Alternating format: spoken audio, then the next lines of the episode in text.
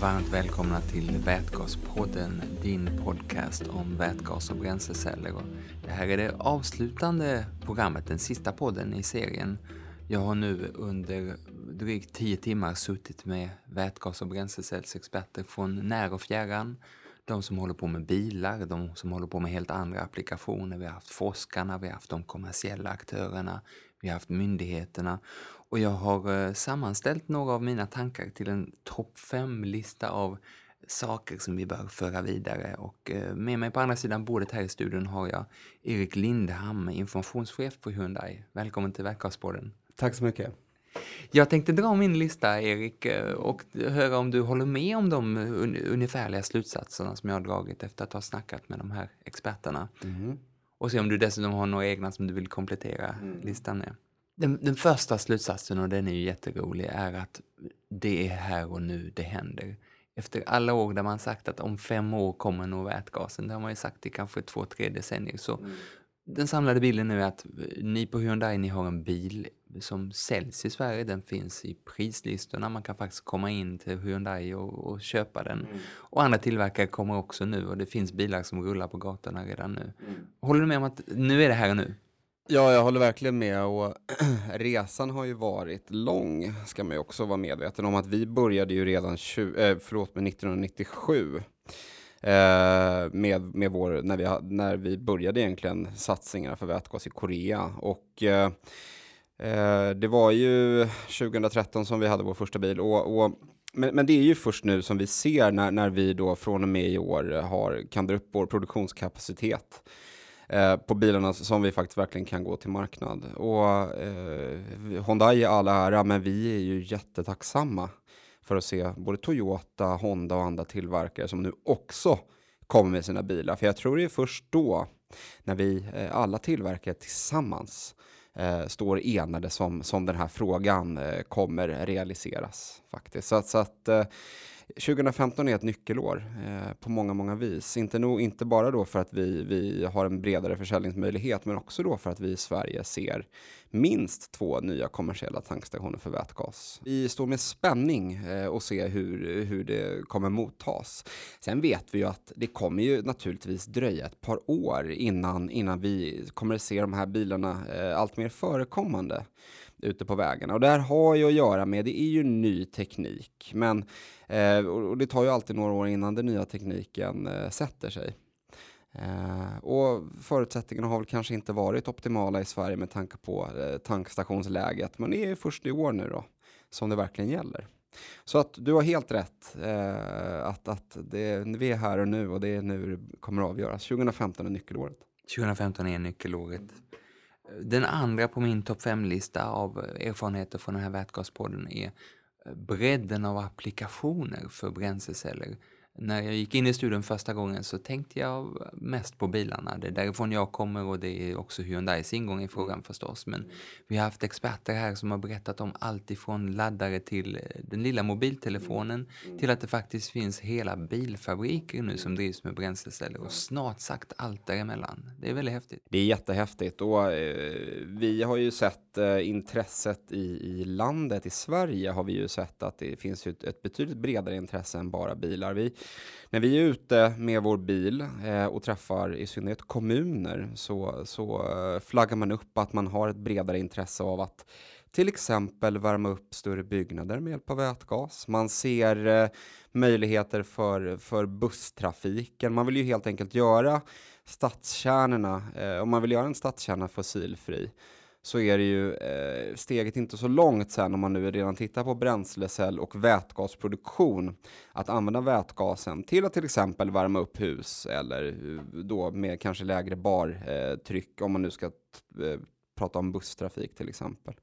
Så, och, och sen då, eh, vi har ju vad det gäller de här gästerna som har varit här så ser vi ju andra former, till exempel att eh, när, vad gäller tankning av vätgas så har du ju eh, som, som då professor eller Lars Stenmark sa det här med eh, makrosfärer, de här pingisbollarna, jätteintressant.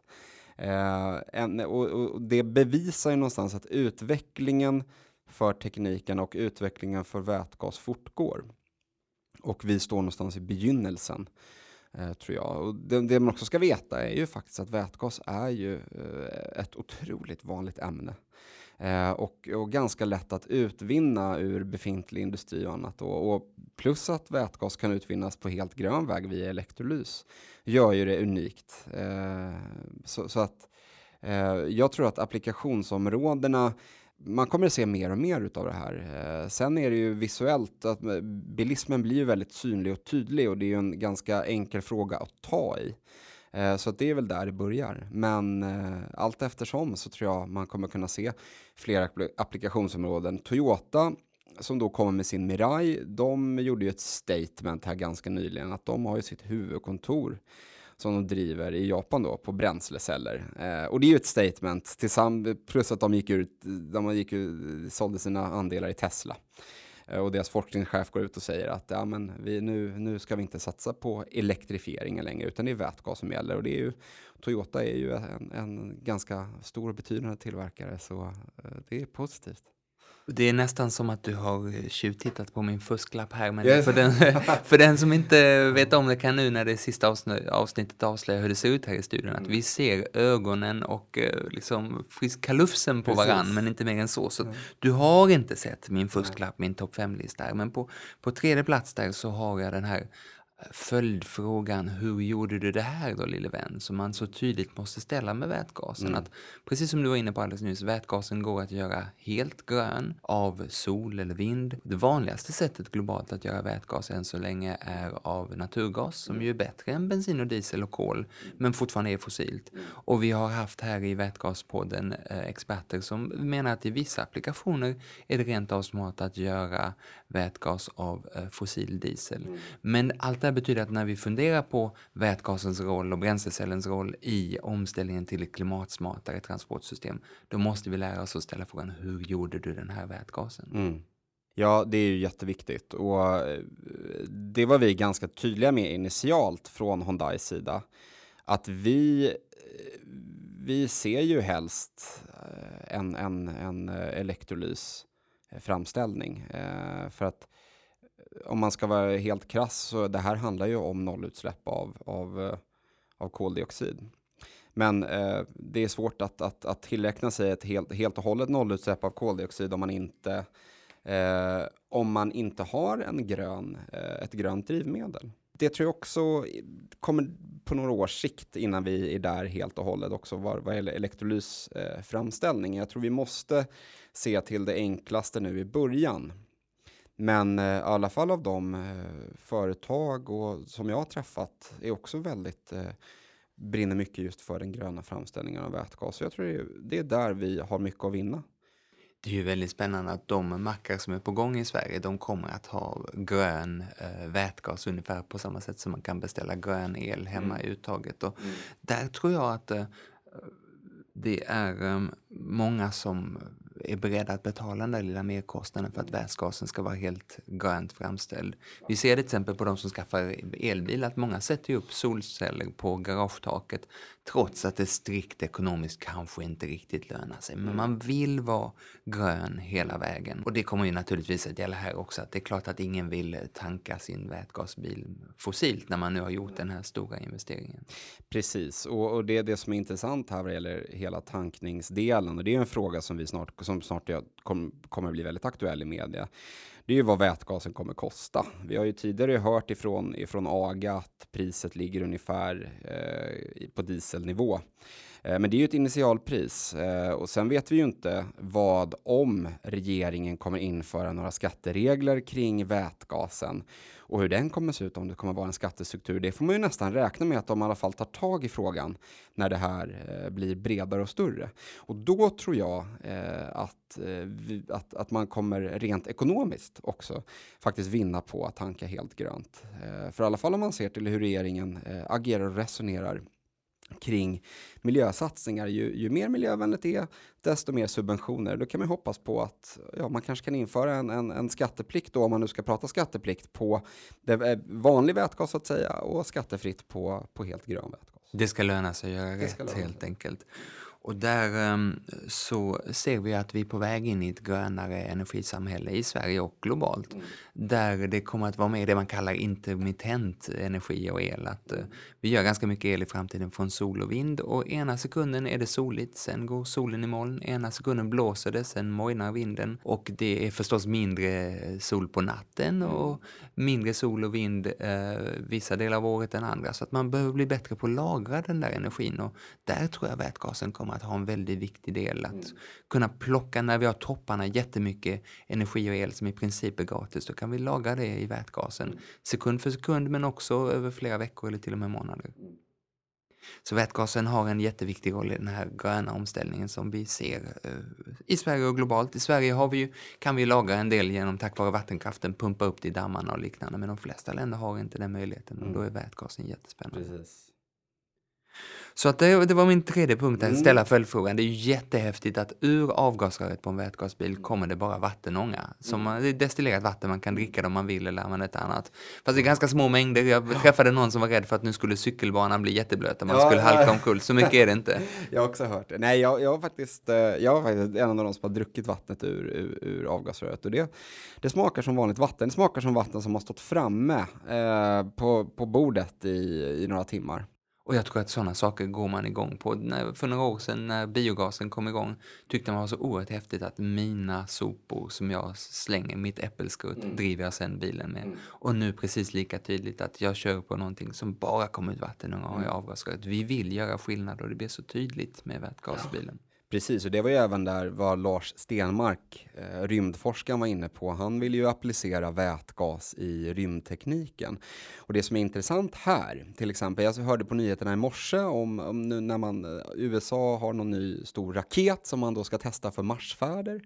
Eh, han är ju inne på att eh, använda vätgas i rymddrift för att då får du ju enda biprodukten som är vatten, men vatten återvinner du sen och använder det igen för då att, att eh, inom elektrolysen. Så då får du ju ett ganska välfungerande kretslopp eh, uppe i rymd, vid rymdfärder. Då, vilket, för ett av de stora problemen vid rymdfärder är just att energiförbrukningen är enorm när det kommer till utväxlingen då av, av den explosionen kring när du ska starta och så. Så att det är ju jätte, jättehäftigt liksom att se eh, hur det fungerar liksom rent rymdtekniskt.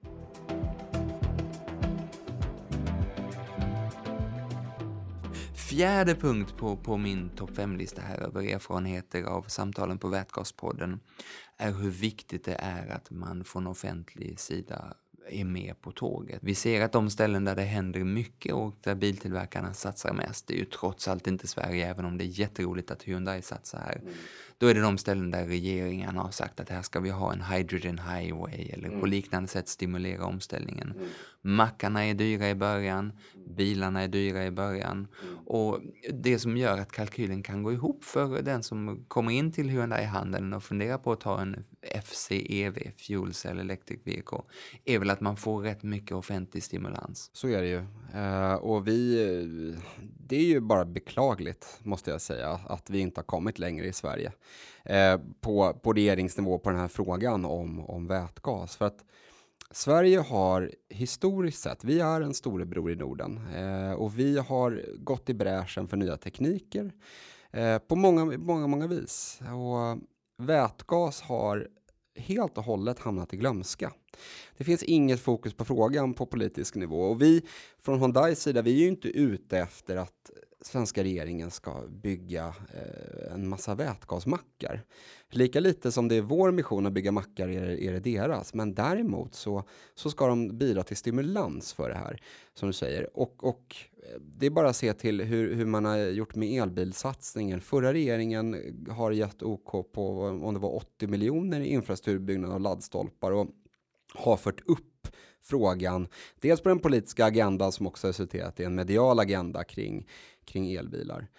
Men vätgas eh, är det helt tyst om. Eh, och vi har pratat med politiker på både hög och låg nivå. Pratar man med politiker på lite lägre nivå så hänvisar de till högre nivå och säger att ja, vi tycker att det här är en bra idé, men det är inte vi som tar besluten. Och pratar man med beslutsfattarna så säger de att det här är bra, men vi har för lite kunskap. Och, eh, och, det tycker vi är synd. För att ser vi bara till grannländerna Norge och Danmark har man ju kommit ljusår längre än vad vi har. Norge är ju ett lysande exempel på hur man hanterat hela miljöbilsfrågan. Där du får köra i, i, i bussfil och det är gratis parkering. Men där har man också fler vätgasstationer och i Danmark har man också fler vätgasstationer. Tyskland, jätte, jättebra planer på infrastrukturutbyggnad. Men Sverige finns inte det och då kan man fråga sig vad det beror på.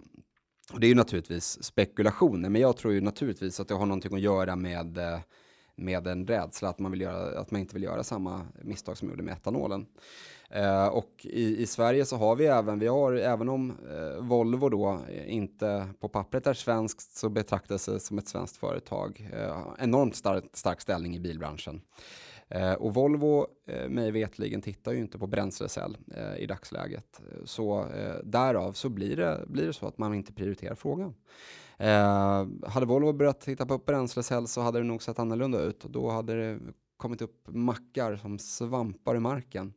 Eh, men så är inte läget idag. Och jag tror att man eh, från regeringens håll måste ha lite mer örat, eh, örat mot världen och se till vad, vad omvärlden gör eh, i form av nya innovationer kring, kring bilar och eh, framförallt mer miljövänliga bilar.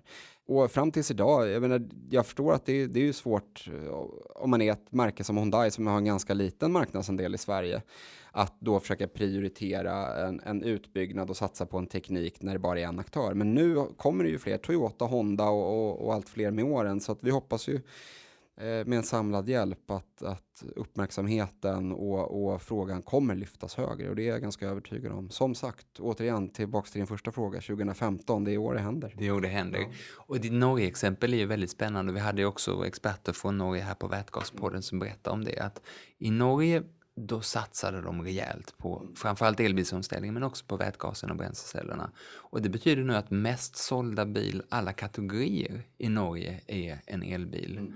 Två, trea är också elbilar ganska ofta i Norge. Mm. Och i Sverige är det någon sällsynt gång mm. som någon elbil lyckas kravla sig in på topp 100-listan mm. över nya bilar. Mm. Och jag tror att som litet land så gör, det spelar ingen roll vad vi gör för klimatet i vårt lilla land om man inte gör någonting som andra har lust att ta efter. Och där ser vi att när Norge satsade så kraftigt på elbilar så lär sig hela världen mm. av Norge. Går det att göra i Norge? Det är kallt, det är backigt, det är mm. glesbefolkat. Då är det klart man kan göra det överallt. Va? Ingen har någon ursäkt kvar om det går i Norge.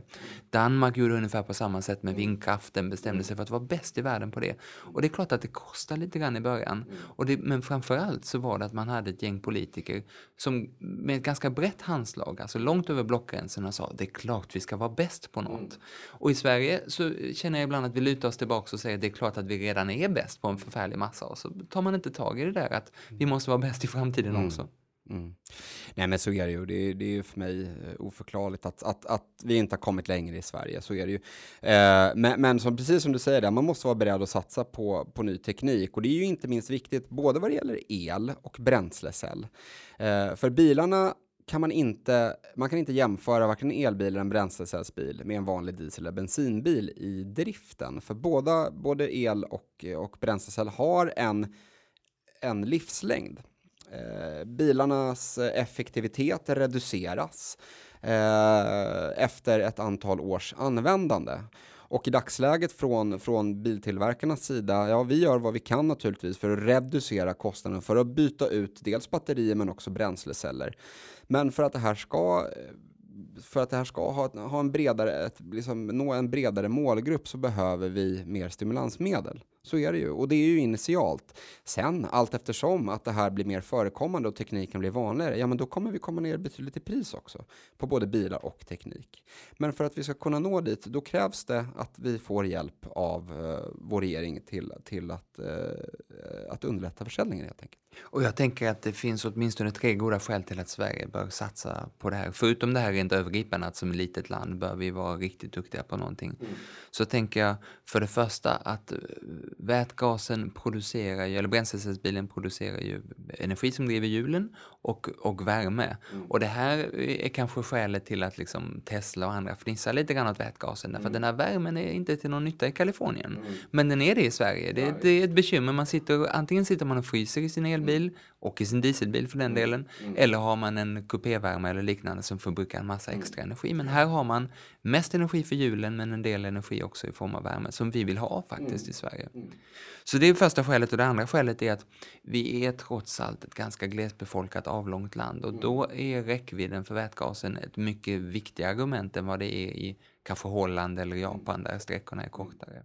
Så är det ju absolut och vi, vi från Hyundais sida är vi ju väldigt tydliga med att, att bränslecell och el, det, eh, båda teknikerna har sina fördelar.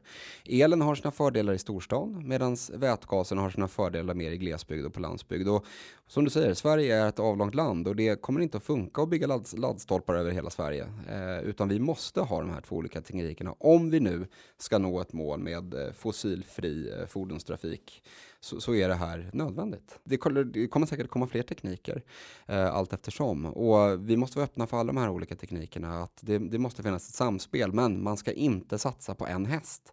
Utan man måste satsa på flera hästar i det här fallet. Så är det ju.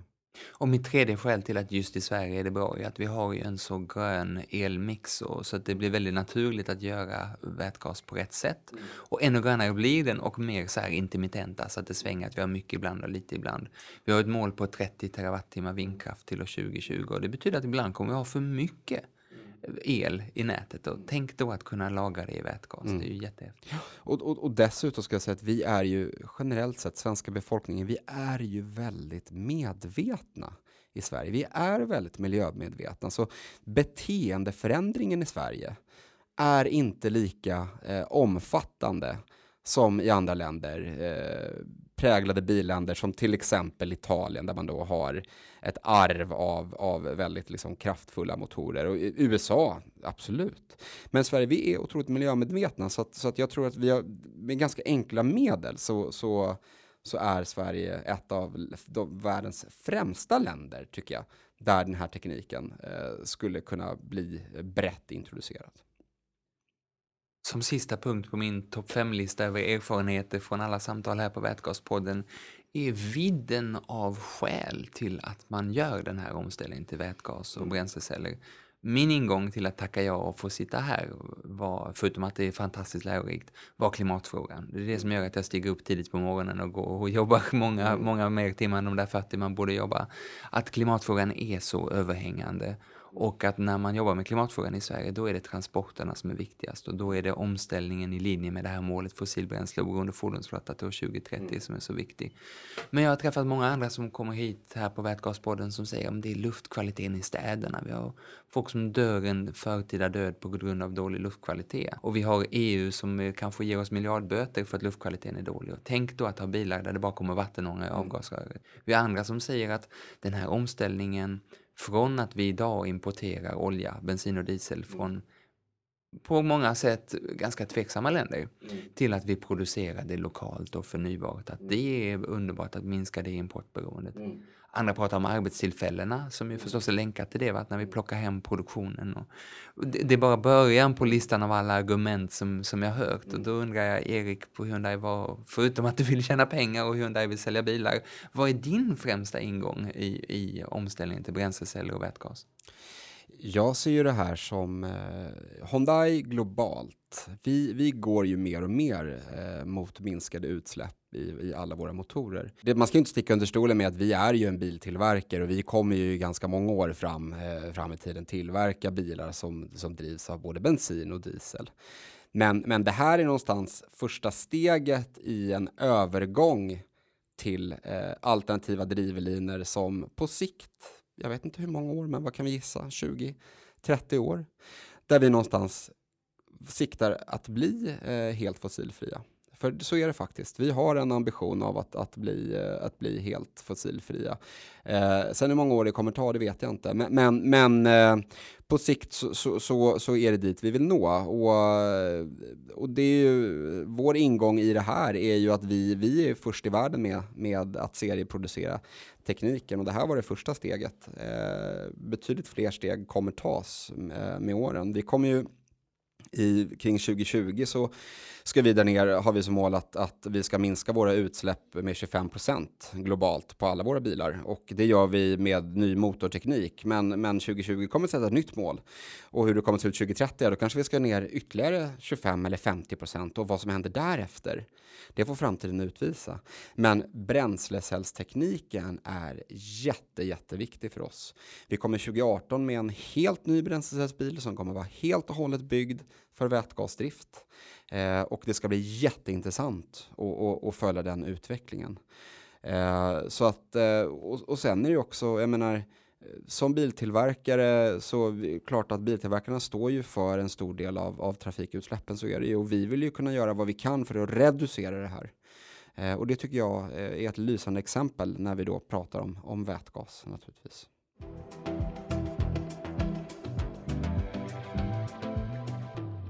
Ungefär som på topplistorna på tv och radio och sådär så tänkte jag gå snabbt igenom mina topp fem punkter innan vi avslutar Vätgaspodden.